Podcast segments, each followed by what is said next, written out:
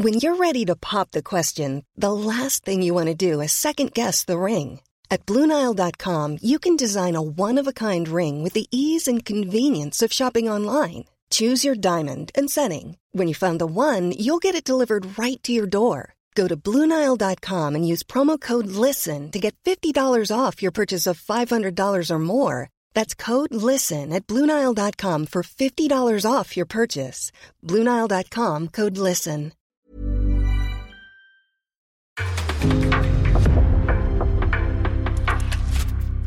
En podcast från Aftonbladet. In the supermarket, you have eggs class 1, class 2, class 3. And some are more expensive than others, and some give you better omelets. That's the wrong information. Wrong, wrong, wrong information. I didn't say that. That's the wrong information. Do you think I'm an idiot? Wrong, wrong, wrong information. Now look at me when I talk to you. Your job is to tell the truth. That's the wrong information. Wrong, wrong information. Välkomna till eh, Sportbladets podcast gällande silly season. Här i det lilla rummet på Aftonbladets redaktion sitter jag, Patrik Syk, tillsammans med Patrik Sjögren och Erik Niva. Välkomna. Tack! Tack. Känns det underbart att silly season är igång, eller? Den tar väl aldrig slut. Den går bara in i olika skeden beroende lite när på året man är och eh, i vilken relation man befinner sig gentemot transferfönstret. Men silly season är ju konstant. Eh, Det är bara det att den tar lite extra fart nu inför, eh, inför sommaren och den första juni. Lite extra fart. Ja, jag tycker inte... Neymar, Monaco. Ja, ja, ja, ja, ja. Det där pågår ständigt. Jaha, det där Makoto. Det där var det allra första avsnittet utav eh, Sillypodden. Som inte ens hette Sillypodden på den tiden utan Sportbladets Silly Season-podd tror jag. Eh, Var det rummet på förra, förra redaktionshuset ni satt i? eh, nej gud nej, så, riktigt så länge sedan är det inte. Eh, Det här var eh, 27 maj 2013. Så vi har hållit igång ganska länge ändå. Eh, det blir tioårsjubileum i, i vår. Um, vi satt uppe på plan 8, det säger ju inte er som lyssnar någonting, men en våning upp från där vi sitter just nu i ett eh, litet, litet konferensrum som vi inte hade bokat eller någonting utan som bara stod ledigt in till sportredaktionen. Eh, med en mikrofon som vi ställde upp på bordet eh, gick vi in och skulle testa det här med podcast som var nytt och hett. Jag, Sjögren som han ju hette då och Erik Niva. Idag är det avsnitt 300, så långt har vi kommit. Vi ska uppmärksamma det lite grann. Det är bland annat därför jag har tagit mig in från semestern. Jag drog in det här nu från semestern. Ja men det är avsnitt 300. Vi ska också kanske, eh, vi ska också höra ifrån några utav eh, hjältarna som har gjort den här podden under åren. Eh, lite senare, men vi ska också göra ett helt vanligt avsnitt eh, fram till dess. För det finns en massa rykten i vanlig ordning att prata om Makoto. Ja, det gör ju det. det, det alltså jag börjar bli lite orolig för deadline day. eh, alltså på sättet som många klubbar är så otroligt välskötta. Mm. Eh, för att det känns som att Arsenal, ja de kanske värvar en mittfältare sen är de klara. Tottenham har gjort sina sex värvningar, Real Madrid har gått ut och sagt att de är klara. Liverpool har gått ut och sagt att de är klara om inget oförutsett inträffar. Det är ganska många stor, stormakter som känns liksom helt klara. Och eh, Barcelona har ju börjat splasha sina pengar ganska rejält här nu också. Eh, ska splasha mer väldigt snart. Eh, så att vi får väl se liksom vad allting renderar i på något sätt. Det finns väl vissa klubbar som sitter i någon sorts kaosläge. Och då finns det en klubb som har mest kaos av alla just nu. Och det är ju Chelsea. Där, eh, jag vet inte om ni har sett Thomas Tuchels uttalanden efter, eh, efter 4-0 förlusten mot Arsenal, men det var inte nådigt mot nya klubbledningen i alla fall. Det börjar redan eh, gnisslas med Todd Bowley där vid spetsen. Mm. Eh, Todd Bowley har ju gett sig in i någonting som han egentligen inte kan. Eh, och det blir intressant att se om han löser den uppgiften. Han är ju en, en skicklig affärsman och någon som kan det här med idrottsaffärer eh, onekligen från Nordamerika. Men eh, att ge sig in i fotbollen, det är ett annat djur på något sätt. Eh, det finns andra eh, amerikanska ägare i England som har fått veta det. Manchester Uniteds ägare har inte alltid eh, gjort det, allt eh, det bästa för den klubben. Vi minns Liverpools gamla ägare. Även FSG som, eh, som äger Liverpool nu, i början så trevade de också ganska rejält eh, innan de liksom fattade hur saker och ting fungerade. Moneyball-åren. Moneyball-åren, Stuart Downing-åren eh, och så vidare. Så vi får väl se ifall Todd Bowley kan eh, få fart på grejerna här eller om han eh, har underskattat situationen lite grann när han klev in som sportchef Alltså- själv här i början. Alltså för Chelseas del så är ju liksom nyckeln i det här fönstret är att Barcelona får slut på procent av tv-pengar som de kan sälja av. För det är ju Barcelona som snor allt de överhuvudtaget ens tittar på just nu. Vilket också är helt jävla sjukt men ja, men, ja, men alltså, om man tittar på hela fönstret, där, där Chelsea har gjort. Chelsea vill ha Rafinha, Mm de var klara, de var överens med Leeds. Barcelona går in och plockar den i sista sekund eftersom att de plötsligt inser, oj nu är det allvar, nu måste vi få fram pengarna. Chelsea låg och väntade på att Barcelona inte skulle få Lewandowski för att de var intresserade av honom, Barcelona fick Lewandowski. Och nu då det som har varit den stora snackisen egentligen den här helgen som vi kan ta direkt, det är ju Jules Koundé. Eh, Koundé som har kopplats till Chelsea jättelänge, han var otroligt nära att gå bara för något år sedan, eh, har stannat i Sevilla, men verkar ha siktet på Barcelona. Nu när Chelsea och Sevilla blivit överens så kom det ju uppgifter från Spanien om att Barcelona också då i skymundan, det kom ju först uppgifter om att de hade gett upp helt, det här är kört, vi har inte pengarna. Eh, och sen var det ju då eh, vad heter det, Twitch, Barca-profilen där eh, Gerard Romero som var ute och svingade och sa att de är i princip överens. Se- Sevilla sköt ner det, alla sköt ner det, de sa nej det finns ingenting överhuvudtaget, liksom, vi har inte ens hört om någonting om ett intresse från Barcelona. Men nu har ju fler hakat på det där och det verkar ju som att det faktiskt är så att Barcelona och Sevilla också är överens eh, om en mindre transfersumma och Jules Condé får i princip välja och då kommer han ju välja Barcelona. Eh, så att, och, och som sagt, Barca har uppenbarligen fått pengarna genom att de har fått igenom eh, försäljningen av vissa tv-intäkter här nu. Så de håller på att värva en av La Ligas absolut bästa mittbackar. Chelsea har misslyckats att värva Nathan Ake, de har misslyckats att värva Jules Condé. Eh, de förlorar med 4-0 mot Arsenal och det börjar bli tunt om alternativ de kan plocka in för att, ja, Kim Pembe är ju nästa de går på säkert då, som de också har velat ha. Men där så kan ju Inter inte få Skriniar nu antagligen i och med att Inter inte lyckades värva Gleison Bremer.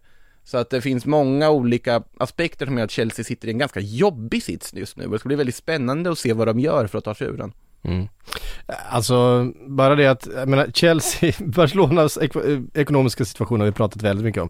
Vi ska komma ihåg att Chelsea har ju då fått en skuld som motsvarar ungefär den skulden som SAS kämpar med, eh, avskriven eh, inför det här fönstret.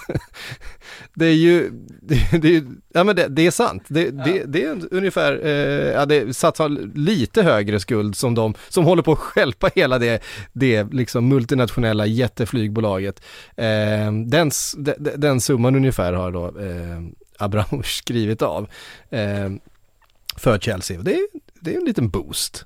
Ja, givetvis. F- får man kalla det. Eh, Det är ju skönt att Chelsea det inte behöver permittera sina spelare och sen liksom plocka in fo- folk på fri transfer väl när liksom, nej. Ja, men det är, det, det, är ju, det är ju två extremt stökiga situationer. Det är, är klart det att Chelsea har levt över sina tillgångar. Eh, Todd Bowley kommer inte skänka bort eh, liksom massa, massa miljarder eh, till Chelsea under sin tid som ägare. Eh, så kommer det inte fungera och det gör att Chelsea, även om de kan värva, även om de kommer värva, kommer behöva mätta eh, munnen efter, mass, efter massäcken förr eller senare när det kommer till löner och när det kommer till eh, väldigt mycket annat runt omkring.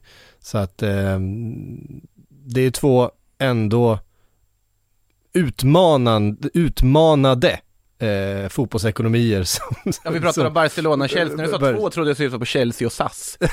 Nej, Bar- Barcelona och Chelsea. Ja, vi kan, Sa- SAS är också ekonomiskt utmanat. Nej men alltså i Chelseas fall så är det nog, alltså just nu är problemet attraktionskraften uppenbarligen. För att de har ju lyckats komma överens med klubbar, de har lyckats värva, och sen dyker Barcelona upp i sista sekund och de har gjort det till en taktik, Barcelona, att de väntar så länge de kan, de ber de spelare som de är intresserade av, ha tålamod, ha tålamod. Och sen så fort Chelsea gör någonting, det är då de slår till och de inser att nu är loppet kört, då går de in och löser det på något sätt. Och då är ju frågan, okej hur mycket av de här pengarna har de egentligen kan man ju fråga sig, men samtidigt de har fått in 4 miljarder i en engångssumma på att sälja av 25% av sina tv-intäkter. Absolut, de har pengar på så vis. Sen ska de ju försöka registrera allting inom mm, liksom La Ligas lönebudget och allt, och vi får se hur det går. Eh, men det intressanta här nu också att samtidigt så har vi ju nästan räknat hem att Cesar Aspilicueta och Marcos Alonso ska till Barcelona från Chelsea. De är väldigt sugna på att flytta till Spanien. Det blir intressant att se hur Chelsea hanterar den situationen om nu Barcelona lyckas hijacka Koundé också. Och Chelseas trupp, det behövs ju spelare. Uh, och någonting måste de göra, för det finns ju också andra aspekter, att du har ju spelare som Cantillo och Jorginho som har kontrakt som går ut om ett år, som du också måste hantera och ta ett beslut kring, och kanske du måste värva en mittfältare också. Så att det är en svår situation, och det blev ju inte bättre av det som hände i helgen, att man förlorar som man gör mot Arsenal, att Tuchel går ut som man gör och säger att nej, med den här truppen som är här och nu kommer inte vi kunna nå våra mål. Uh, med det sagt, Koulibaly, Raheem Sterling, två fantastiska värvningar, men det behövs mer. Och det gör det ju med tanke på vad de har tappat. Ja, det gör det. Eh, vet du vilken den allra första spelaren vi nämner i Sillypodden är? Vilken är det första ryktet som vi tar upp i den här poddens historia? Det är för 300 avsnitt sedan. Eh, vi hörde ju det förut där kanske, eller jag vet inte om... eh, Ja, det, det kanske var med på ljudklippet där. Du, du missade det? Ja, det beror, det beror på hur långt av ljudklippet du ska ha med när vi väl liksom skickar ut podden sen. Eh, Neymar. Neymar. Eh, och han är fortfarande aktuell så här nio år senare. Ja, alltså jag tänkte först om man skulle inleda med Neymar och sen insåg jag att det finns inte så mycket liksom egentligen nytt att säga förutom att han själv har gått ut och konstaterat att jag har ingen intention att lämna PSG i dagsläget. Eh, han är ju i Japan tillsammans med övriga lagkamrater där och man har väl träningsmatch på Gamba Osaka till och med, i- till och med i talande stund kan det vara faktiskt. Eh, men, eh, men att han liksom vill ha klarhet från PSG-ledningen, han vet inte vad de har för planer med honom och vad de tänker. Men han har i alla fall inget intresse av att röra sig någonstans. Och det är samtidigt som det har dykt upp lite lösa Premier League-rykten, det kommer ju uppgifter bland annat om att PSG ska ha erbjudit Neymar till Manchester City och vill ha Bernardo Silva i utbyte. City ska bara ha sagt nej, det, det vill vi inte gå med på. Eh, av förklarliga skäl. Eh, men med det sagt, Neymar, även om han har fyllt 30 nu, det är fortfarande en spelare som skulle kunna, alltså bli en väldig tillgång, han är fortfarande en av världens absolut bästa spelare i sina bästa stunder, så att jag, jag ser det ju inte som omöjligt att någon klubb skulle känna att men det här är en värvning vi vill gå för. Eh, sen är frågan vilken klubb i sånt fall. Men just nu känns det väl som att han blir kvar. Jag har väl lite svårt att se annat. Och då i PSG alltså, när, vi, när det var Sillypodden för Ja, då var han på väg till Barcelona. Från Eh, Santos. Från Santos och ehm, vi satt där och spekulerade runt, jag har suttit och lyssnat på det lite grann. Det, det är ju roligt att lyssna på sånt där i efterhand. Eh, att man visste ju väldigt lite. Han hade ju gjort eh, 3000 överstegsfinter redan i brasilianska ligan, men hur skulle det konvertera till La Liga, till Champions League, till att spela Det konverterade ganska bra.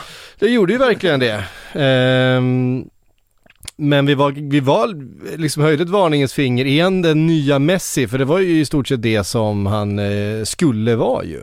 Eh, han skulle ju ta över, redan då pratades det om det och Messi eh, visade sig hålla på själv i ytterligare nio år. Ehm, på, Hade på, man- rätt, på rätt hög nivå. Hade man trott på det då om man hade sagt att Neymar och Messi skulle spela tillsammans i Paris? Nej, det hade man inte trott på. Eh, och att liksom Neymar är den som på något sätt ryktas bort här också i sammanhanget och att ja, Me- Messi ska väl bara spela av sitt kontrakt och sen drar han väl till Inter Miami och hänger med Suarez gissar jag på. Och Luis Suarez gör väl detsamma då och drar till Inter Miami om ett år. Det är väl känslan jag har. Eh, det, det känns menat att de ska spela tillsammans och dricka mate på helgerna och jag vet inte vad. Men eh, Ja, nej, det är, det är fascinerande det där om hur mycket som in, man inte förväntar sig som sker ändå. Det är många olika liksom. Vi sitter ju här också idag och pratar genuint om att Cristiano Ronaldo kan lånas ut till Atletico Madrid. Eh, Ja. Bara en sån sak. Vilket, den hade varit osannolik för tre år sedan, eller för ett år sedan att tänka sig. Den känns fortfarande osannolik. Ja, den är fortfarande osannolik, men den, Men, den, men eh, vi är ju där. Alltså, problemet med vissa spelare när de når en viss status, eh, som Cristiano Ronaldo såklart har gjort, men också som Neymar, det, det går nästan inte att göra sig av med dem. Eh, det är helt omöjligt för, för klubbar att värva den här typen av spelare, för det kommer med sådana eh, otroligt stora eh, svallvågor på något sätt. Det går ut över resten utav truppen, utav klubben, ur ditt spelsystem. Eh, det påverkar hela din marknadsföring, det påverkar eh, precis allt. Eh, Eh, Vilket ju Manchester United har märkt av det senaste året och är, eh, också därför, eh, ja, Manchester United vill väl egentligen ha kvar Cristiano Ronaldo. Det, det är ju han själv som vill, som vill lämna. Och det påverkar ju också situationen där, för du var inne på att, ja men en klubb som det är kaos i, Chelsea, en annan klubb som fortfarande har en hel del kvar att göra och som kommer få, eh, tror jag, kämpa in i, mot deadline day, det är ju Manchester United. Och den här situationen med Cristiano Ronaldo är eh, supercentral i vad de hittar på den här sommaren. Ja, och det, som sagt, Ronaldo är fortfarande borta av eh, liksom privata skäl från, eh, från truppen och från försäsongen, men det sagt ska ju United faktiskt sett ganska bra ut på försäsongen, det har faktiskt sett lovande ut. Eh, man har väl också nu klargjort att Anthony Martial kommer att ingå i United-truppen nästa säsong och spela en viktig del. Det tycker jag är väl ett väldigt smart drag att använda sig av de spelare som kanske inte funkade under tidigare tränare, men som har kvaliteten och skulle kunna få en nytändning under Ten Hag. Och där är ju Martial verkligen en av dem. Så där har man ju en forward som, säg, låt oss säga att han täcker Cavani då, att han försvinner. Och sen såklart, du vill ju ha Cristiano Ronaldo i det här bygget också egentligen, om du inte hittar en rak ersättare. Och då är frågan vilka ersättare finns än på marknaden för en sån spelare? Eh, som man tänker liksom central striker, det finns inte så många ute som håller den kvaliteten som, som United ska kräva av ett nyförvärv. I alla fall inte nu när många av dem har redan flyttat på sig.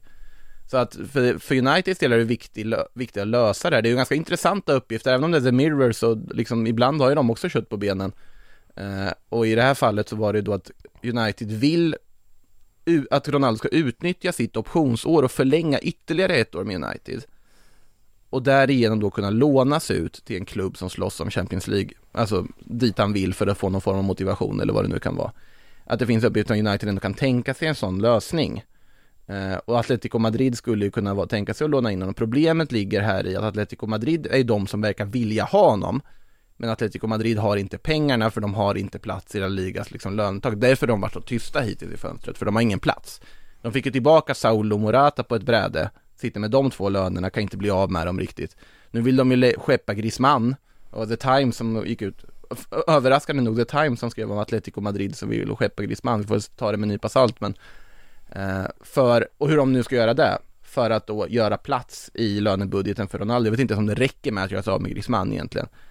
Eh, Så att de sitter ju i ett läge, de måste ju rensa i sin trupp för att på något sätt kunna göra nyförvärv. Och det här är ju även om Manchester United betalar halva lönen. Ja, ja, alltså det, det här är, det här är jag vet inte ens om halva lönen räcker liksom. Alltså, Nej. de, de sitter, Atletico sitter i en ganska jobbig sits. Ja, alltså lite i skuggan utav Barcelona så sitter ju Atletico Madrid i riktigt, riktigt pyrt till ekonomiskt med eh, enormt eh, många korttidslån, alltså korttidsskulder som måste betalas av, som man har eh, tagit, bland annat för eh, Griezmann, eh, men alltså Joao Felix-värvningen. Eh, Neymar var inte gratis. Nej, Ehm, så att det är det är också en klubb som har otroligt stora utmaningar framöver när det kommer till ekonomin och de behöver ju verkligen um, de behöver ju göra en succésäsong här. För att säga att de skulle göra en, en, en till, får man säga, eh, platssäsong. Eh, med deras mått mätt kanske ännu sämre, att kurvan fortsätter peka ner och säga att man missar Champions League. Det är inte otänkbart. Nej, det är inte otänkbart. Inte med den truppen de har idag, det är Nej. inte otänkbart. Det är inte otänkbart. Ja. Då, då ser vi nog en klubb som kommer fortsätta sjunka är jag rädd. Eh, hur, länge kan man, hur länge kan man motivera Simeone? Ehm, ja. Alltså, problem, största problemet för Atletico ligger ju i att de, det är ju La Ligas löneregler. Och jag tycker än, alltså det går att säga mycket om det lönetaket som La Liga har infört, men det finns ju en tanke med det. Och det är ju för att man inte ska betala hutlösa löner och så vidare. De har ju infört det för att klubbarna har eh, misskött sina egna ekonomier. Mm. Eh, det är ju bara att titta, alltså, hade de här reglerna funnits så hade ju varken Barcelona eller Atleti suttit i de här situationerna som de gör idag. Ehm, Och nu ska sägas att Real Madrid skänker bort Luka Jovic. Jag tycker fortfarande det är ett katastrofdrag av Real Madrid att göra det, skänka bort honom för en... du har inte gett upp eh, på Luka Jovic. Jag tror han kommer göra succé i Fiorentina. Eh, Det tror jag också. Men, men alltså att ge bort honom för en då 50% i vidareförsäljningsklausul, det, det gör man inte om det inte är ett läge där du måste bli av med han från böckerna. Alltså det finns ju, men Real Madrid har ju inte i närheten den lönetaksproblematik som Atletico och Barca sitter i, där de inte kan registrera spelare. Eh, det tog ju ett tag innan Witzel kunde registreras för Atletico. Eh, det var otacksamt för dem att Morata Saul kom tillbaka, säger man vill. Det var inte saker de hade räknat in. Morata är ju en spelare som Juventus fortfarande verkar vilja försöka värva på något sätt och dra ner den där köp, köpklausulen de inte utnyttjar. Eh, men äh, ja, de har ju någonting på väg in nu i alla fall i form av en argentinsk mittback där från från Udinese som ska vara väldigt spännande, men vi får väl se vad, vad mer de gör. De behör, truppen just nu tycker jag känns tunn, den känns obalanserad, men framförallt är Atleticos problem att Cholo Simeone har inte lyckats med sin senaste ombyggnation. För förra årets Atletico var någon sorts ambivalent konstprojekt som inte riktigt visste vad de var för någonting. Ena stunden ska de försöka spela roligare, men det funkar inte överhuvudtaget. I en match mot City så väljer de att försöka på något sätt slå alla former av rekord i defensiv approach till en fotbollsmatch. Um, så de, sitter, de är liksom velar mellan vad de vill vara för någonting och det de behöver för att överhuvudtaget nå några framgångar i tydlighet. Förra säsongen när vi gick in i den, jag såg dem som guldfavoriter. De hade den bredaste truppen, de såg absolut bäst ut och så vidare. Och sen har det bara gått helt åt fel håll från det. Uh, och jag är rädd för att de kommer, de går mot en väldigt intetsägande ny säsong här. För att just nu ser jag inga tecken på att de ska utmana varken Real Madrid eller Barcelona om någon ligatitel. Nej. Um... Nej, det är ju, det är ju verkligen faran. Det är klart, får man in Cristiano Ronaldo så ökar man ju sina chanser. Eh, han kan ju stan, han kan ju ligan. Eh, jag tror också att Simeone hade varit en, en tränare som hade funkat med Cristiano Ronaldo. Eh, det sägs att Simeone ska vara den som också vill ha Ronaldo och ser liksom den ultimata vinnaren i honom på något mm. sätt med vinnarskallen och det som han har. Sen vad det skulle göra för Atletico spel har varit intressant att se. Och sen såklart också polemiken med hur påverkar det hans Real Madrid-arv. Så är det ju. Det finns otroligt många aspekter som gör det väldigt kittlande att se. Han var på väg till Manchester City ett tag förra sommaren så... Jo, men det, det, det finns något så annat för nu finns det... Får vi en ny situation? Är det Real Madrid som kliver in för att stoppa Atletico Madrid från att värva honom? Nej, men det här, Eh, det här, är, det här är skillnad på självbild. Jag tror Ja. att Real Madrid är, ser sig själva som större än spelaren i alla situationer. De kommer inte bry sig om Cristiano Ronaldo, om är fansen som kommer bry sig. Mm. Till viss del, vissa av dem. Eh, men Real Madrid ska inte ens liksom röra en 37-årig forward med tång just nu.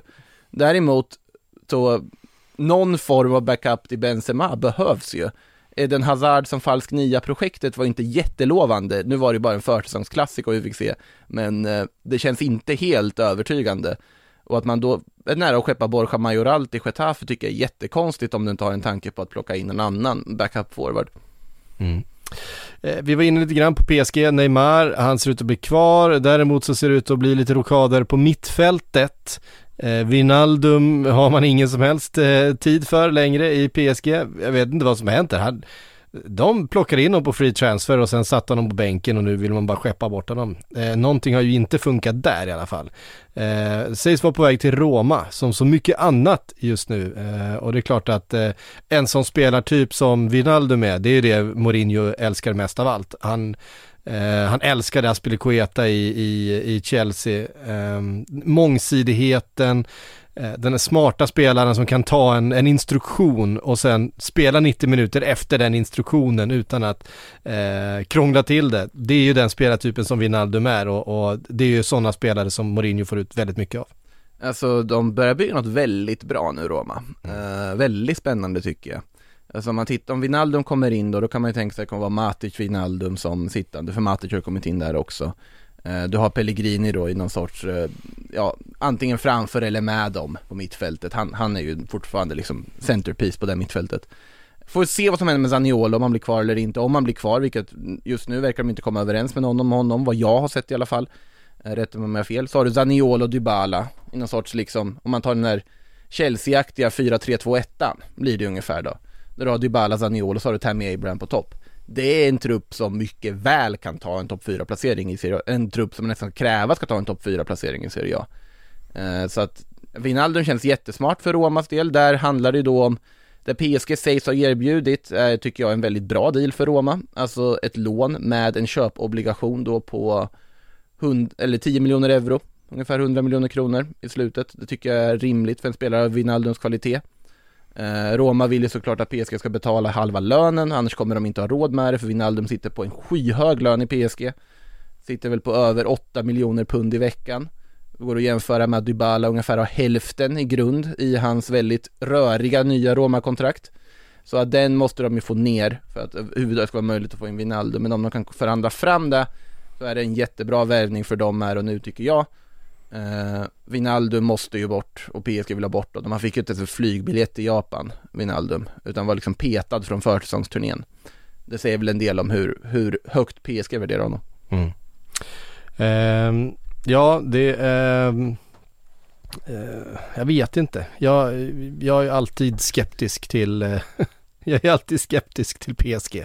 Och du, till de gör. du, du gillar ju Wijnaldum också. Jag gillar ju Wijnaldum. Ehm, och eh, var du inne på det nu? Jag eh, fick syn på en annan grej. Men vi, mittfältarna som ska in där, Mukiele och eh, Renato Sanchez. Ja, Renato Sanchez är mittfält, Mukiele är högerback. Eh, ja just det, ja precis. Renato Eh, Sanchez Men de har ju fått in Vitinha från Precis. Porto för ganska mycket pengar. Han som inte var någon hit i Wolves men eh, blev desto större hit i Portugal och nu ska spela för PSG. Eh, Och det är ju en, det är en Luis Campos värvning rakt av. Eh, Renato Sanchez ska också en Luis Campos värvning och Galtier såklart också att de tar in en gammal lillprofil.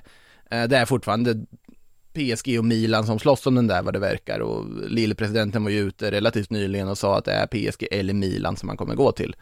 Eh, vi får se vilket av lagen, det är synd, alltså Milan skulle ju, han skulle passa perfekt i Milan tycker jag. Han skulle ju passa bra i PSG med ska sägas men det skulle ju vara en rak ersättare till Wijnaldum egentligen, som skulle få desto mer speltid och förtroende sannolikt och Mukiele är ju backup till eh, Achraf som han är tänkt att vara då och värvas på fri transfer. En ganska smart lösning tycker jag. Jag förstår inte varför ingen annan klubb har huggit på den tidigare. Det var ju väldigt mycket snack om Man United där ett tag på Mukiele, men det vart inget där då. För nu ska han ju vara klar för PSG enligt, eh, kanske till och med presenterad när vi, när vi pratar, när ni sitter och lyssnar på det här. Ja, precis. Eh, det kan han mycket väl vara. Vi hade en vi hade en klar precis här nu före va? Vi klev in i studion. Vadå, José Callejon till Granada? Ja, precis. det gick jag igång på. Med var din favoritvärvning. Ja men uh, Callejon i segundan, det, är- det är svårt att inte gå igång på det. Men jag tror att det, jag är nog en av få i det här landet som går igång på José Callejon till Granada. Nej. Mm, mm, mm. Vi går vidare därifrån då. Och eh, konstaterar att, eh, ska vi se vart vi ska. Bam. Ja, eh, Bayern München måste ersätta Lewandowski som ju nu är klar för Barcelona. Eh, mycket som hänt under tiden jag varit borta.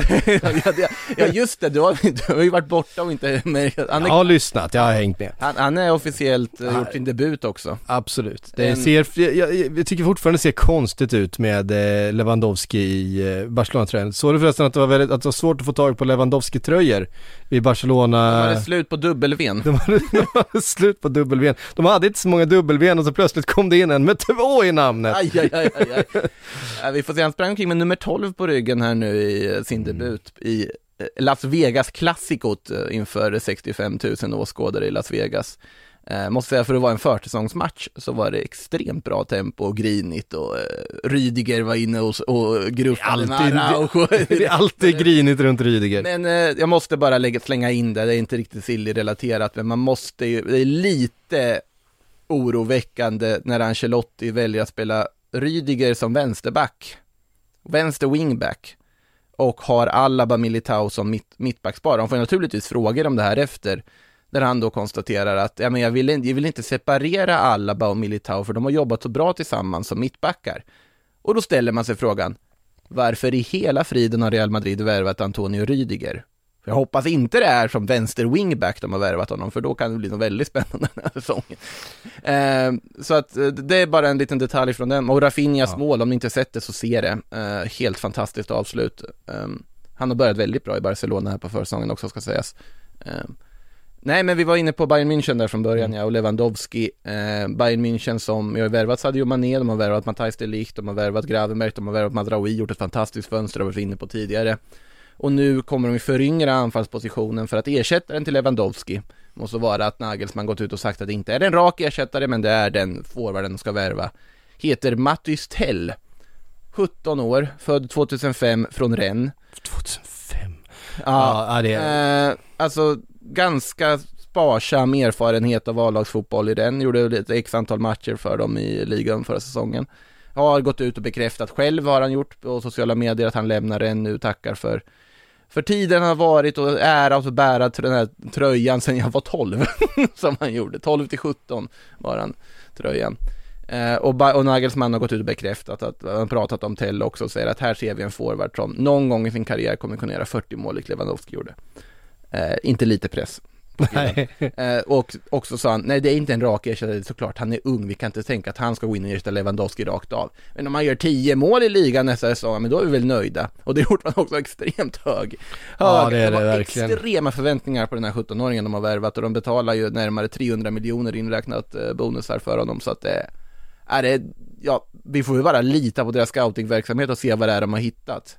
Och bara hoppas att det inte är en ny liksom eh, Michael Cuisance eh, historia för Bayern. Ehm, 2005 alltså.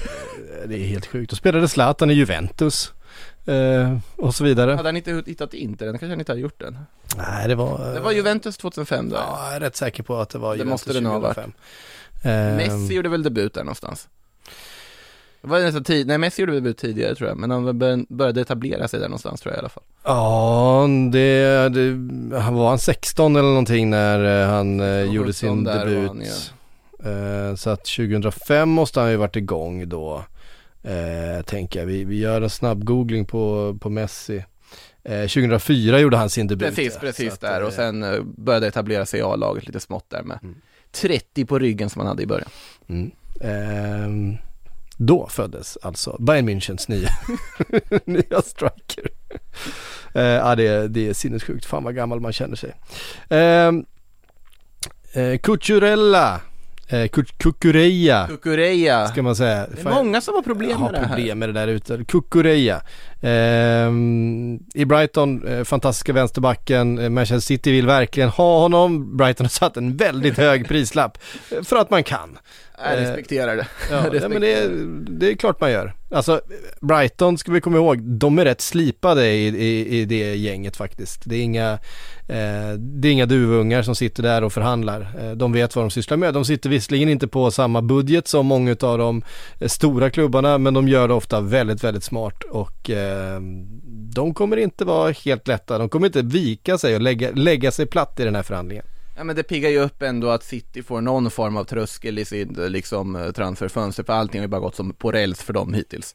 Eh, alltså när man säljer Sinchenko till Arsenal, för övrigt fantastisk värvning, alltså ju mer jag tänker på den värvningen desto smartare känns den. Eh, förutsatt att han också är tänkt som mittfältare och inte bara vänsterback, ska sägas. Nu fick han ju vara vänsterback i debuten här nu senast. Just det. Eh, men, eh, och när City säljer Sinchenko så är det ju helt uppenbart, alla kan se och alla vet att ja, de har redan pinpointat sin ersättare. De vill ha en vänsterfotad, eh, offensiv vänsterback som de kan sätta där, som de kan använda Cancelo till höger när Kyle Walker är skadad eh, och, så- och så vidare, att de har ett vänsterfotat offensivt alternativ. Tidigare har de kunnat använda Nathan Ake i den positionen också, men det är ju inte liksom offensiva kvaliteten som du vill ha från en vänsterback idag. Eh, och Kukureya passar ju som handen i handsken. Och alla har, de har ryktat med Kukureya liksom hela sommaren, lite innan sommaren också.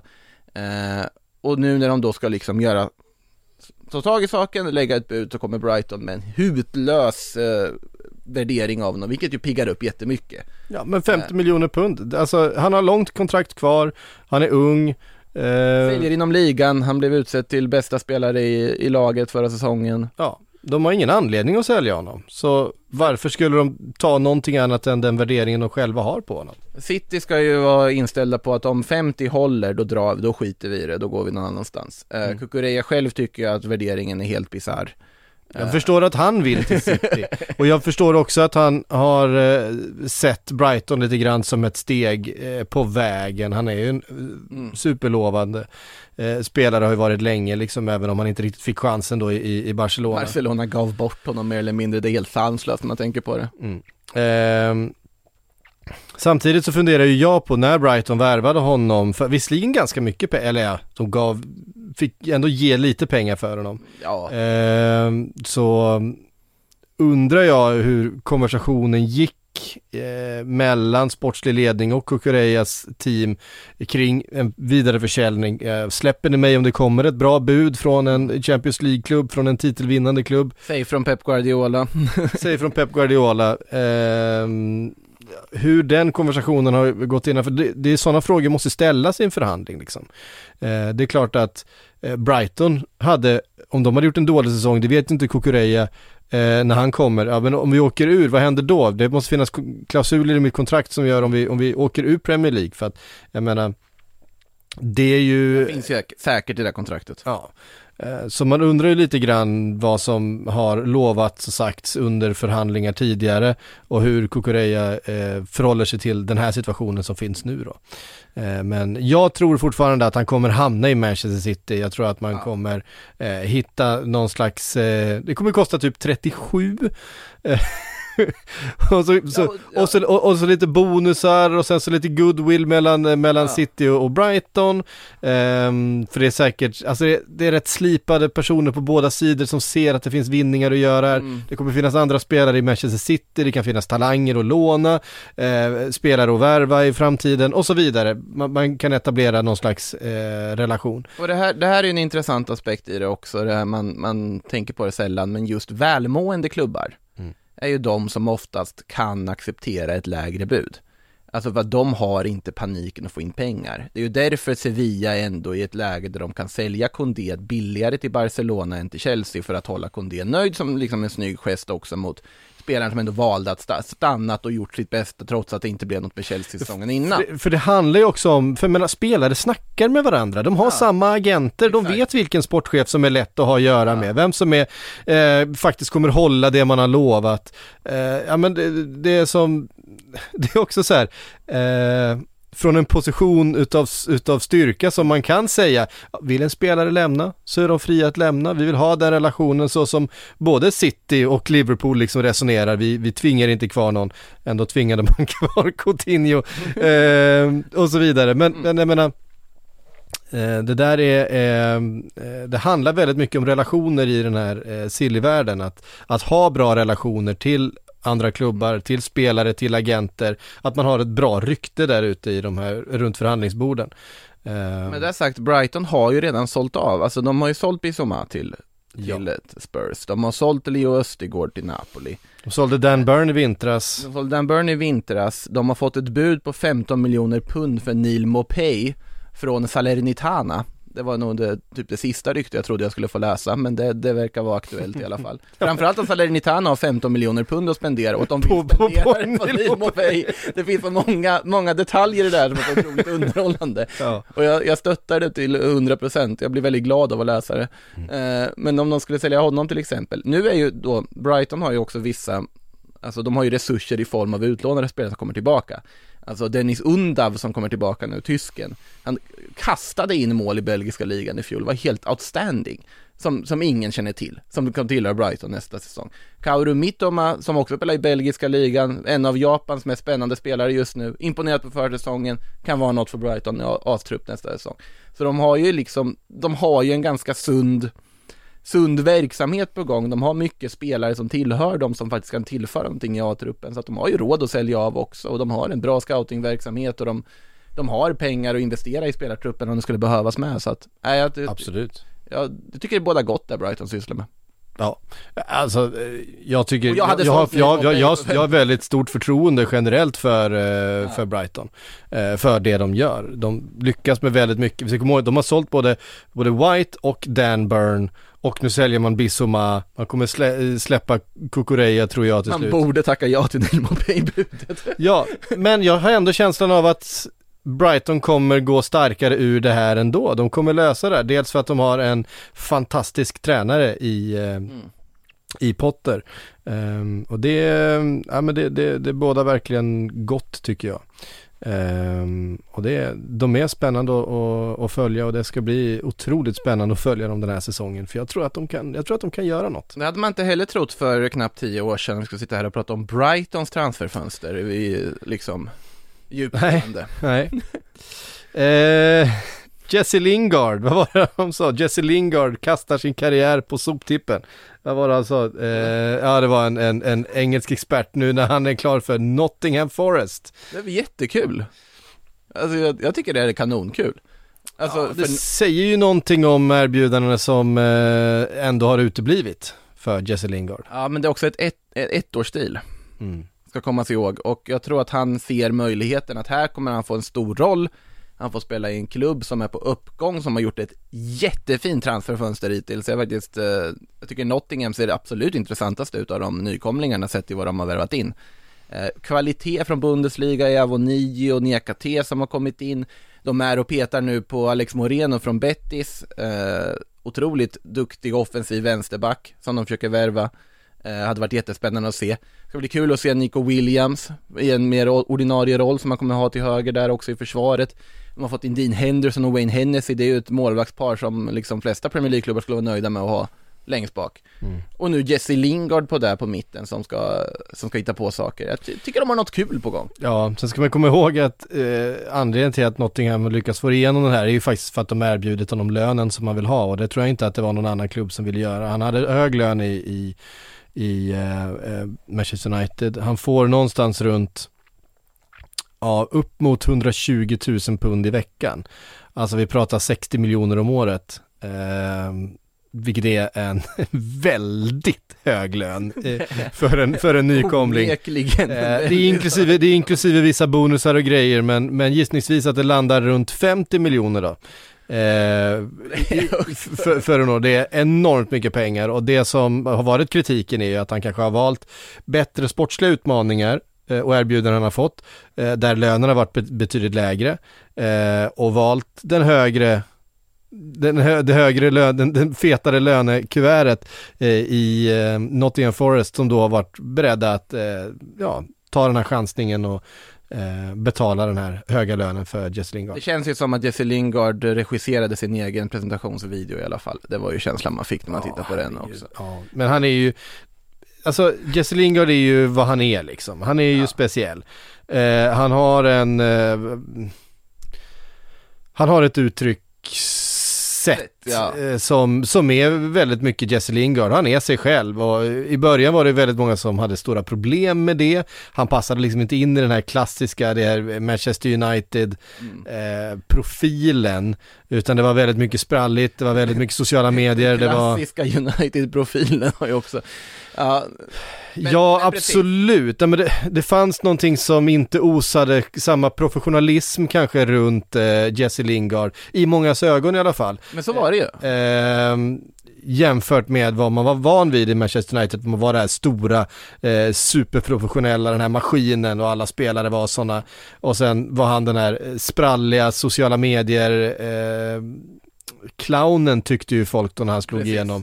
Um, Samtidigt som han då inte levererade på planen utan eh, hamnade i någon slags fack och det, eh, det är ju liksom, han är ju sig själv och jag, jag har sett också kritiken mot den här presentationsvideon och hans egen presentation, hans egen, egna liksom Insta-stories och grejer han har lagt upp i samband med den här övergången med olika tröjor och eh, vad var det han skulle ha på ryggen? Eh, jag vet inte men alltså så här J-Linds eller något sånt där på på tröjan. Alltså men det, han håller ju på med massa grejer och folk stör sig uppenbarligen på honom fortfarande. Men för fan, det, han är sig själv. Folk ja. är olika. Han tycker det här är kul. Han mår uppenbarligen bra av det.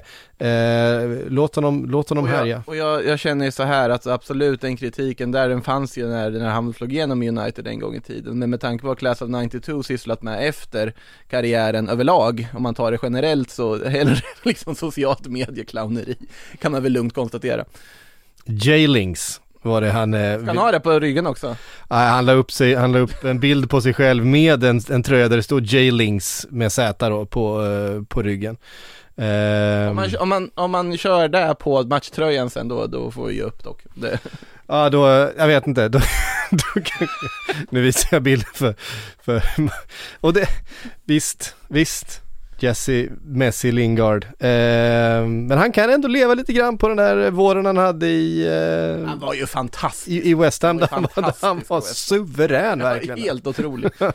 han, var hela, han var hela ligans bästa spelare under några ja, veckor. Det, det, är inte, det är inte oövet att liksom konstatera det. Han. Jag, hoppas, jag hoppas att han lyfter i Nottingham, det har varit kul. Jag tycker Nottingham som sagt, de har en det är ofta i och för sig så här med intressanta satsningar på försäsongen. Vi har sett Fulham göra det förr och vi vet ju hur det har gått liksom. Så att eh, vi får se vad det här renderar i, men jag har goda förhoppningar på det här Nottingham-projektet i alla fall. Mm. Vet ni vad? Eh, för att uppmärksamma att det här är då det 300, avsnitt, 300 avsnittet så ska Som vi vi ta... egentligen inte brukar göra i Sillypodden. Nej, så ska vi ta och eh, slå en signal till en gammal, till en gammal bekant som eh, har varit med här. Så eh, vänta lite. Och då hälsar jag välkomna till Fredrik Jönsson. Eh, före detta medarbetare på Sportbladet som har spenderat många timmar framför podcastmikrofonerna här, både i Sillypodden och Premier League-podden och eh, allsvenska poddar och ja, det har varit mycket Fredrik under åren. Ja, jag kanske har 300 avsnitt. Det är inte alls omöjligt skulle jag, skulle jag hävda. Kan vara så. Det kan vara så. Det är nio år sedan som vi drog igång det här. Eh, du är ju Newcastle, eh, du följer ju Newcastle, det tror jag inte det är någon som har eh, missat om någon kommer ihåg dina avsnitt under, från Premier League-podden.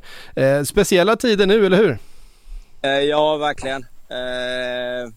Verkligen. Det är en, vad ska man säga, eh, kul att ha en ambitiös klubb samtidigt eh, mindre kul att ha eh, den typen av ägare. Eh, så eh, ja, en upp, en ner får man väl säga ungefär. Nej, nej, men det känns inte bra att ha den typen av ägare. Att den typen av ägare ska få vara inne i fotbollen överhuvudtaget. Det är fel. Sen så eh, följer jag ju Silly kanske mer nu än innan just på grund av att det är en klubb som ändå har ambitioner nu i sig i och med att de köper. Så att, ja, det är väl lite tudelat. Ja.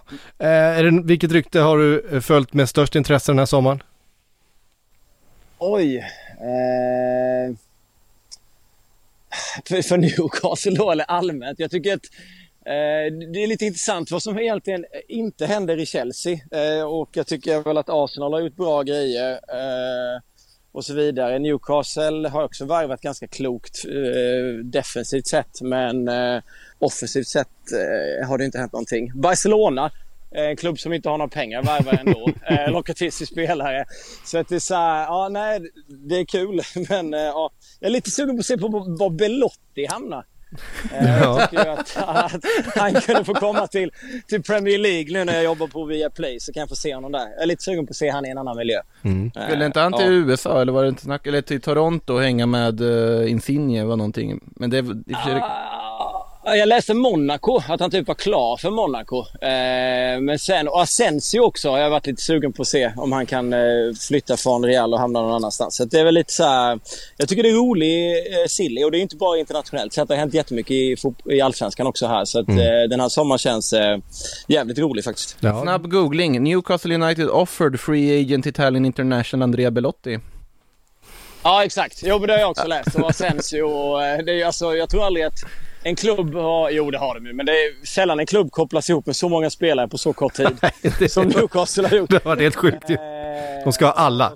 Ja, eh, Men- ja verkligen. Nej men du som eh, verkligen har suttit i den här agentsoppan och, och följt eh, rykten och pratat med agenter och pratat med spelare liksom under massa år och nu sitter lite vid sidan av eh, och, och sysslar med annat. Saknar du, saknar du den här världen? Absolut. Eh, det är klart jag, jag gör det emellanåt. Eh, utan tvekan. Jag ju fortfarande lite kontakt med, eh, med agenter och folk i fotbollsbranschen för att få reda på vad, vad som egentligen sker. Eh, ibland när man är lite väl nyfiken och ibland får man svar och ibland får man inte så Nej, mycket svar. precis. Men det är klart att det är en rolig cirkus. Det är ju roligt att jobba med. Så absolut. Eh, nu gör jag ju något annat så att, eh, och det är också jävligt roligt men eh, det är klart man kan sakna det. Det är en bra puls liksom. Eh, ja, det är Eh, onekligen. Eh, ja men jättekul, eh, jättekul att få höra av dig och stämma av lite Jönsson. Eh, I vår är det tioårsjubileum, då hoppas vi att vi, eh, att vi får återkomma igen. ja, självklart. Ja. Sköt om er, ni gör ett bra jobb. Ha en trevlig sommar nu hörru. Ja, detsamma. Kriga på. Tja! Tja. When you're ready to pop the question, the last thing you want to do is second guess the ring. At Bluenile.com, you can design a one of a kind ring with the ease and convenience of shopping online. Choose your diamond and setting. When you find the one, you'll get it delivered right to your door. Go to Bluenile.com and use promo code LISTEN to get $50 off your purchase of $500 or more. That's code LISTEN at Bluenile.com for $50 off your purchase. Bluenile.com code LISTEN. Ja, Fredrik Jönsson, vi ska ta in lite fler röster faktiskt eh, eh, alldeles strax här. Eh, för att, eh, minns du vilka det var? Nej, minns du? Vi, vi hörde Alltså, ju på vi, inledningen. vi, vi hörde ju inledningen här, eh, vilka det var som faktiskt var med i det första avsnittet och det var ju, eh, det var ju jag då och sen så var det Patrik Sjögren och Erik Niva och vi ska faktiskt ta och ringa upp Erik Niva eh, för att se vad han sysslar med nu i sommar eh, och ifall han kommer ihåg den där Viljan-övergången som aldrig blev av.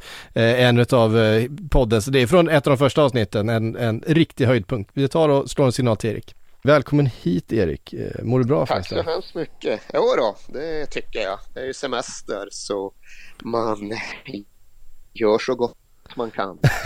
ja, precis. Eh, Spurs är, är i tagen den här sommaren. Eh, innan vi går in på lite, så här, lite nostalgi först, eh, vad ger du Spurs för, eh, för betyg eh, sommarfönstret så här långt?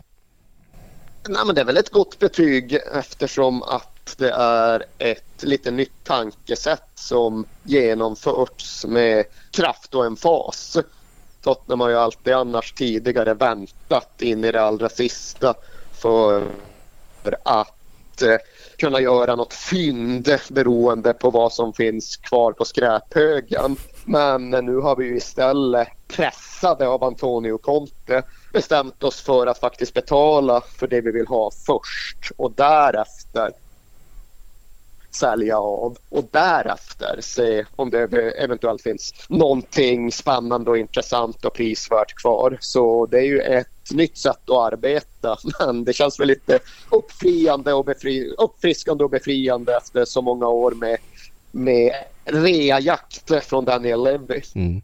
Va, va, va, alltså jag, jag ser en otrolig blow-up potential eh, i en av de här värvningarna. Jag ser Jed Spence och Antonio Conte kollidera under den här säsongen. Vad ger du, vad ger du det för, för chanser? Alltså det finns väl chanser eller risker med att eh, Conte kommer att kollidera med precis varenda spelare i truppen. Jag vet inte, det är någonting med just Jed Spence. Eh. Ja, det är väl Jed Spence morsa kanske. Hon är ju en betydligt större profil och karaktär än Jed Spence själv. Så ifall hon släpps in i den här cocktailen då finns det definitivt explosiv potential. Men det är ju någonting med Spence-värvningen eftersom att det är så tydligt deklarerat från Conte att jag det här är någonting som klubben vill ha in snarare än jag själv. Översatt, det här är någonting som ska bli bra på lång sikt och så inte Antonio Conte. Antonio Conte tänker den här säsongen, punkt och slut och sen får vi väl kanske se. Ja, eh, så brukar jag tänka. Du, vi lyssnade faktiskt lite grann eh, precis i början av det här avsnittet på det absolut första avsnittet av Sillypodden. Eh, det är alltså 27 maj 2013. Eh, du var en av eh, eh pane panelisterna just då. Minns du vad vi pratade om? Det kan du ju inte göra. Eh, det gör jag ju inte men jag kan ju befara med tanke på tidpunkten att det handlade om Gareth Bale och en flytt från Tottenham. Eh, det pratade vi nog också om. Det för, allra första vi pratade om var faktiskt Neymar som då precis var klar för Barcelona. Eh, på den tiden. Men så, eh, inte just första avsnittet men i något av de här först, första avsnittet så är ju faktiskt ett av de mest efterfrågade och mest eh, uppmärksammade stunderna i alla avsnitt som vi har gjort. Det är faktiskt din eh, Viljan-reaktion. Händer det fortfarande att folk kommer fram till dig och säger vad då considering his options? Uh, ja, det händer ju faktiskt fortfarande men det är ju alltid en fråga som ställdes med rätta där och då. Det Ja. hade ju verkligen kommunicerats från Di Marzio som ju var dåtidens Fabrizio Romano att det var helt klart med William och Spurs. Och för mig lät det fantastiskt för i mina ögon var ju William en drömspelare. Så att gå då från att det var klart till att det skulle consider options till att strax därefter skriva på för José Mourinho just Chelsea.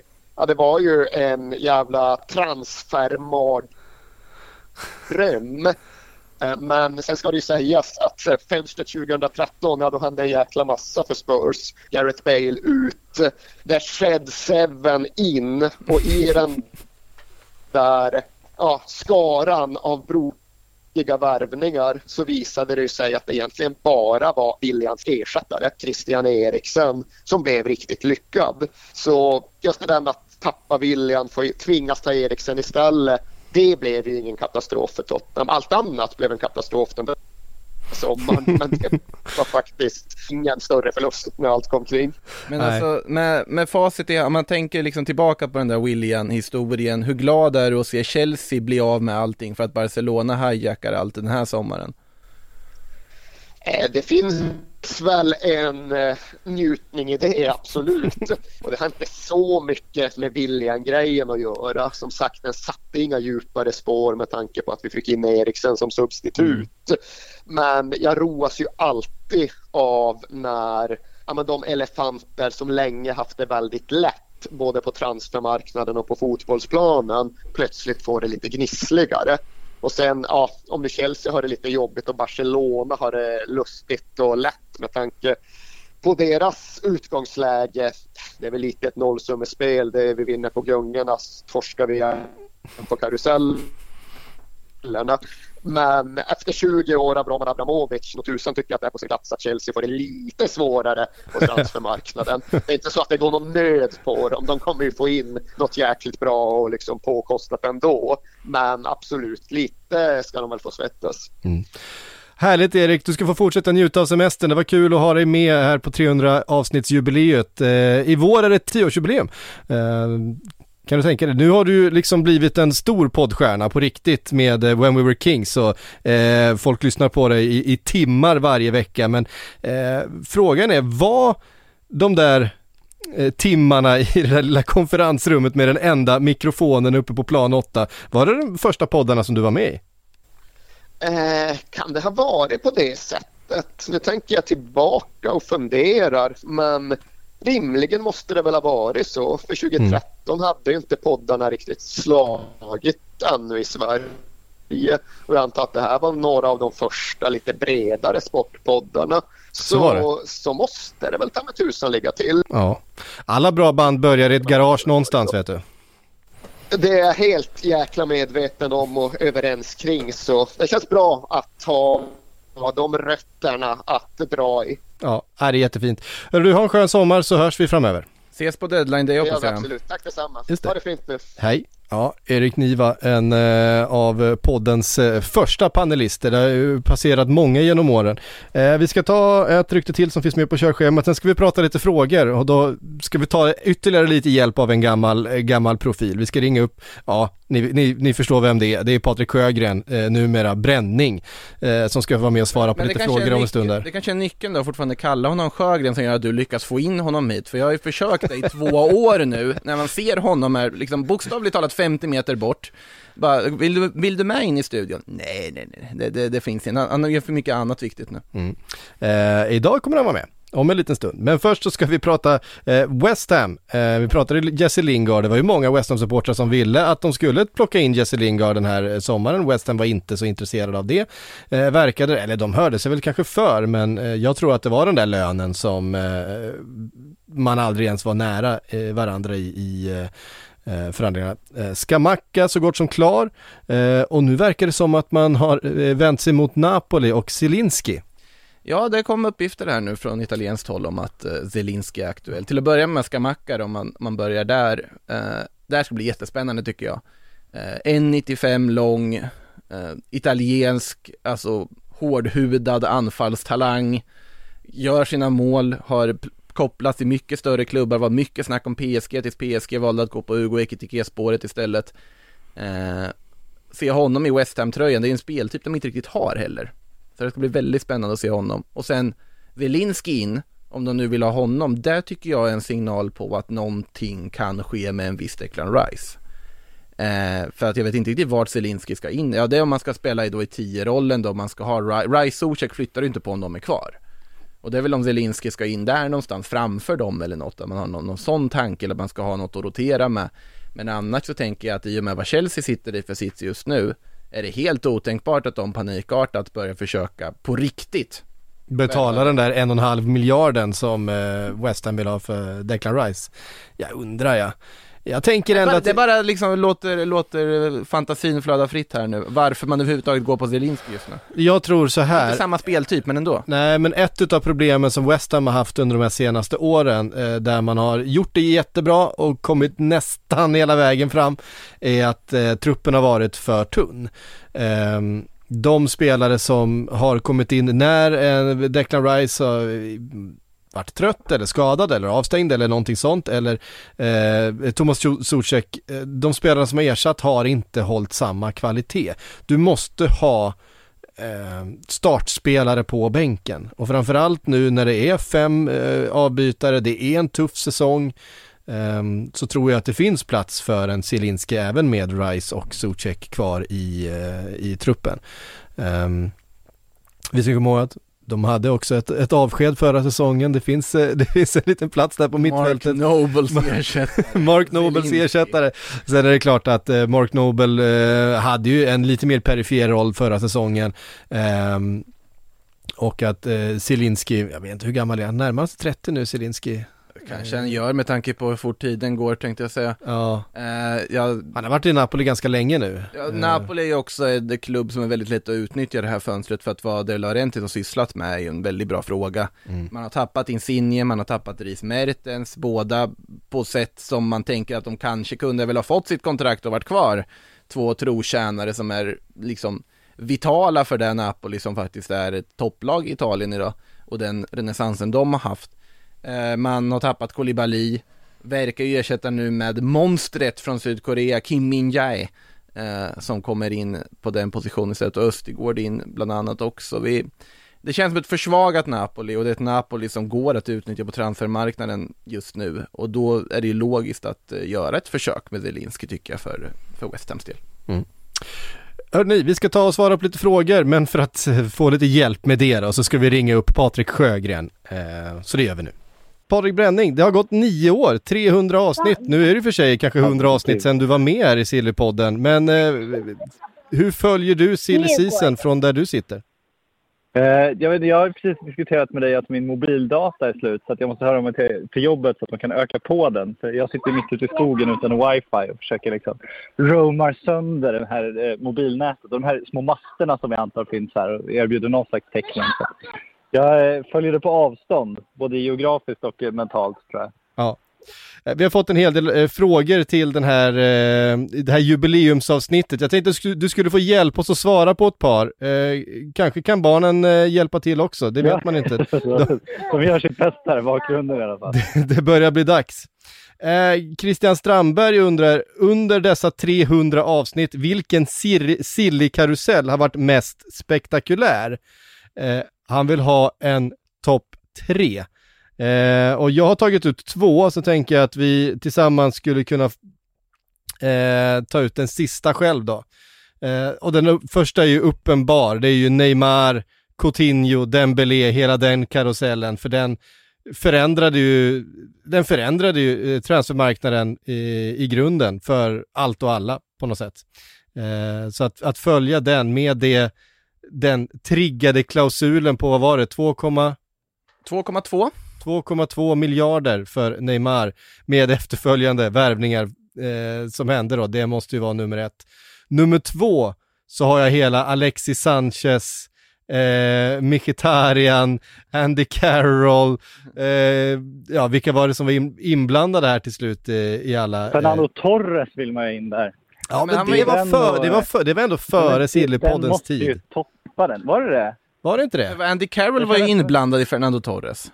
Jag kände att det var någonstans det började med någon helikopter och alltihop. Vi kanske inte poddade på den tiden. Det känns som det var där hela Silly-grejen började. i alla fall. Ja men precis, vi hade inte startat podden satt då. i en helikopter och Andy Carroll var helt plötsligt en av världens hetaste fotbollsspelare utan att någon överhuvudtaget förstod varför.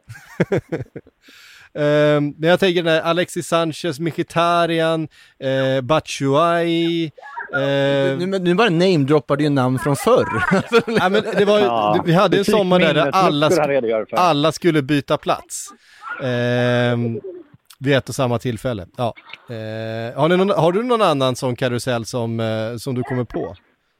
Som du Nej, kan karusell, alltså, Peter Odenvinge är ju alltid Peter Odenvinge. Han, Mm. han, är ju, han är ju någonstans där, eh, den, den perfekta silly historien Men han var inte Ja. riktigt poddformat heller. Ja, det var ju en deadline day.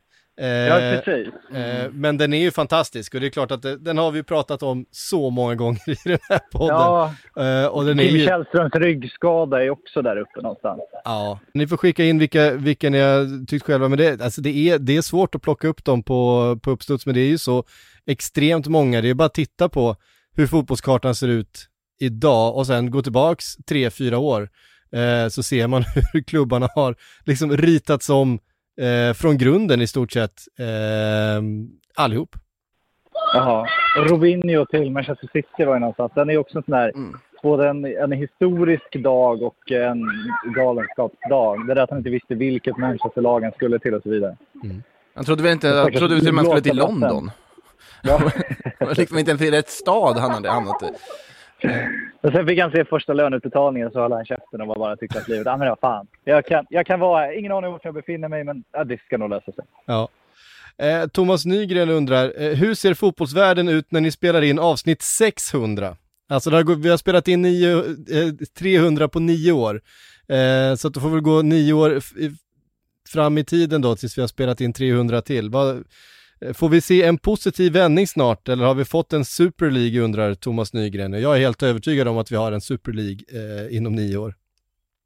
Ja, jag tror också att vi har en Super League. Eh, men jag har ju någon slags eh, naiv förhoppning om att vi kanske har två ligor då. Att vi har en Super League som så är sitt på ett håll och sen har man ändå den här, den här nya rörelsen. För om man ser i alla fall på den olympiska rörelsen så har ju de faktiskt bytt spår nu. Det är inte bara diktaturvärldar och så vidare utan de har liksom uttryckligen sagt att de ska ta ett etiskt och moraliskt ansvar och, eh, och inte bara välja pengarna.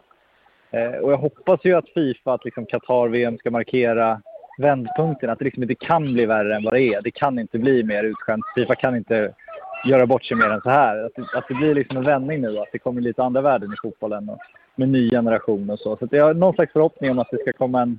Det kanske blir en sån här fair trade-liga på sidan av.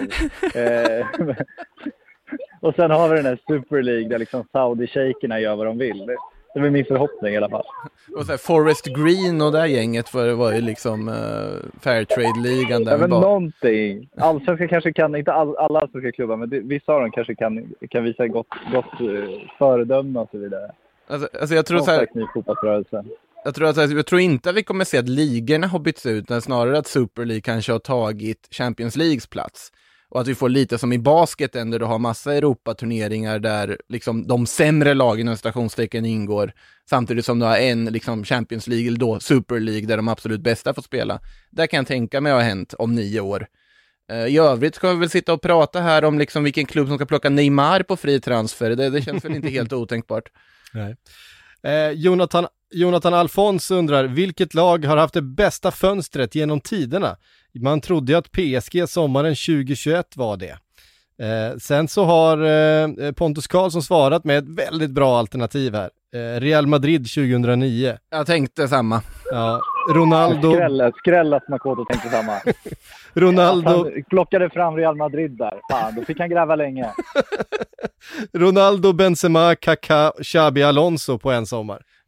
Ja. Ben, ja, Fan Benzema. att Benzema aldrig gick till Arsenal. Fan vad sjukt. Ja, just det, gjorde han aldrig det. Ja, det Han lär väl inte göra det heller om vi säger så. Det, Nej, känns- herregud. det tåget Det, man, det vill man veta. Man vill veta allt om det ryktet. Var kom det ifrån? Hur fan kunde det leva under fem års tid? Liksom, det kan ju aldrig funnits någon substans någonsin i det. Men ändå så bara, det bara fortsatte. År efter år. Det, det, apropå en sån här blast from the past dök det precis upp att United eh, tittar på Sergej Milinkovic Savic som ett alternativ nu när de inte får Frenkie de Jong. Det är också... Det en upp. kille alltid ryktas om. Ja. Ja, men alltså det hade ju varit sjukt om, han, om det händer nu. Nej, men det, det hade väl inte varit så sjukt med tanke på att det är i sommaren och Koulibaly flyttade till Premier League. Det har vi också pratat om ganska länge. Ja. Ja, eh, ett annat alternativ för bästa sommarfönstret eh, genom tiderna skulle ju faktiskt kunna vara Leicester 2015. Eh, när man då får in eh, N'Golo Kanté, Robert Huth, Christian eh, Fuchs, eh, Shinji Okazaki. Alltså det är liksom spelare som sen då går hela vä- vägen och vinner den här jävla titeln åt dem. Ja. Eh, den är sjuk faktiskt. Ju Barca plocka in Deco och Juli och hela gänget var ju också ett ganska fint fönster för dem minns jag. Uh, så här bara man tänker spontant. PSG tog Zlatan och Thiago Silva i en handvändning också, var väl också rätt Helt okej okay fönster. Den, den dubbelswoopen var ju inte dålig ja. från, eh, från Nej, eh, okej. Milan där och då. Eh, det bara hände. Och sen så blev PSG på något sätt, tack vare de två värvningarna, det PSG är idag. Eh, Ja. För det var, inte, det var de inte innan. Hörru du, eh, Sjögren som vi säger i den här podden, för att eh, du har ju knappt sillypoddat sedan du bytte namn. Det var en vändning i mitt liv på många sätt det där. ja. Jag du, bytte ska, ny identitet. du ska få återgå till sommaren och verkligheten och semestern. Eh, vi ska fortsätta en liten stund härifrån, men eh, tusen tack för att du var med idag på det här 300 Tack. avsnittsjubileet. Härligt. Mm. Njut av tårtan. ja, tack. Ja, där hade vi det. Eh, Mr Silly Season själv en gång i tiden, eh, nu sysslar med väldigt mycket annat. Eh, kan med eh, en stark rekommendation in och läsa allting som Patrik Bränning har skrivit om ungdomsidrott de här senaste, eh, det här senaste halvåret, ja året egentligen. Eh, fantastisk journalistik eh, som han har eh, skapat nu. När han har lämnat, som, eh, som man gör förr eller senare, den här eh, speciella världen. Det är bara vi som är kvar, Makoto. Vi kommer aldrig härifrån. Ja, nu har vi inte nått upp i samma antal år som Bränning än, eller Sjögren då, än i alla fall i den här podden, men eh, sen har jag väldigt svårt att se om man skulle kunna lyckas Okej, göra det är jag blir, jag, det är jag som aldrig kommer härifrån, det är det som, Men det, är det du vill ha sagt. Nej, men du gör väl Aftonbladet Daily och annat och spelar Nej, jag- discgolf, det gjorde du inte när vi började. jag gör en massa annat. Du har fler altaner idag. Jag har flera altaner, det är, det är helt riktigt. Ska vi Fler, ta fler barn, fler altaner och discgolf. Så det, det har hänt massa saker för dig. Jesper undrar, var, vem ska Chelsea gå efter när Tuchel väljer att lämna? Pochettino. Ja, om, eh, om Tuchel lämnar före Steven Gerrard gör det så blir det väl Pochettino till Chelsea. Ja, precis. Det är ju den... Nej, men alltså, de kommer ju först ryktas vilja ha Zidane naturligtvis, och så kommer inte det bli av. Nej. Eh, och sen så blir det väl typ något sånt. Jag vet inte riktigt vilka andra namn som finns på marknaden liksom. Nej men nu sitter vi i en situation där vi har en, en supertränare utan jobb i Pochettino. Eh, det har vi liksom inte haft. Det är klart det har ju pratats tidigare om Allegri och så vidare till Chelsea men det känns ju inte som att han kommer röra på sig nu. Ehm, Laurent Blanc.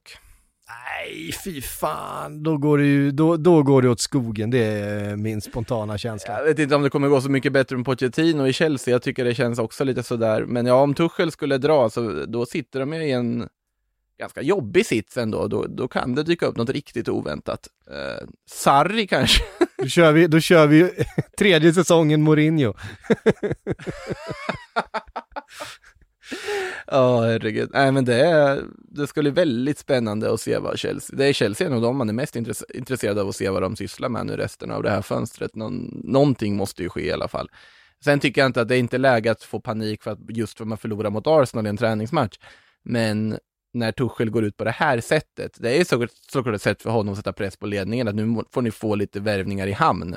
Eh, ni kan inte liksom bli hijackade av Barcelona på varenda spelare vi vill ha. Eh, och kanske också hålla hårt i Aspilicueta, Alonso, även om de är sugna på att flytta söderut. Vi får se vad, vad de gör. Mm, det får vi göra. Hörru du, nu tänker jag återgå till min semester. Eh, Sillypodden fortsätter eh, att eh, tuffa på. Om eh, några veckor så är det dags för Premier League-start också. Det är ju för fan som bara två veckor bort eh, innan den ligan drar Det är då igång. du tar dig in från semestern ännu en gång för att sparka igång Premier League-podden va? Så får det ju bli. Eh, Det känns ju som att spelarna inte ens har varit lediga än. Alltså att det, det var liksom, de, de här två säsongerna har flutit ihop i och med det här orimliga Nations League-uppehållet man hade direkt efter eh, säsongen. Och Det känns som att det liksom bara, nu, sen började försäsongen efter det, så att man är väldigt orolig för alla världsklasspelare där ute, liksom ett VM mitt i säsong och allting. Att de kommer ju gå sönder allihop, det kommer vara juniorlag som spelar i januari, februari. Mm. Ehm, um, hörde ni, tusen tack alla ni som har lyssnat alla de här 300 avsnitten. Jag vet att det finns folk som har lyssnat på samtliga avsnitt där ute. Det, är- det är ju helt sjukt. Det är nio år drygt som vi har hållit på med det här. Eh, och vi fortsätter. Vi har ingen annanstans att ta vägen så att eh, vi kommer fortsätta sillypodda så länge som ni vill ha oss. Eh, och än så länge så är det faktiskt ganska många som, som vill det. Tusen tack Makoto för att du var med här idag. Kör hårt nu resten av sommaren. Eh, jag har lyssnat på varenda avsnitt. Ni gör ett fantastiskt jobb eh, i min frånvaro närvaro. Det finns till och med de som tycker att det är ännu bättre när jag inte är här, men eh, de väljer jag att inte lyssna på. Eh, eh, som sagt, Premier League-podden är tillbaka om ett par veckor. Till dess så säger vi på återhörande.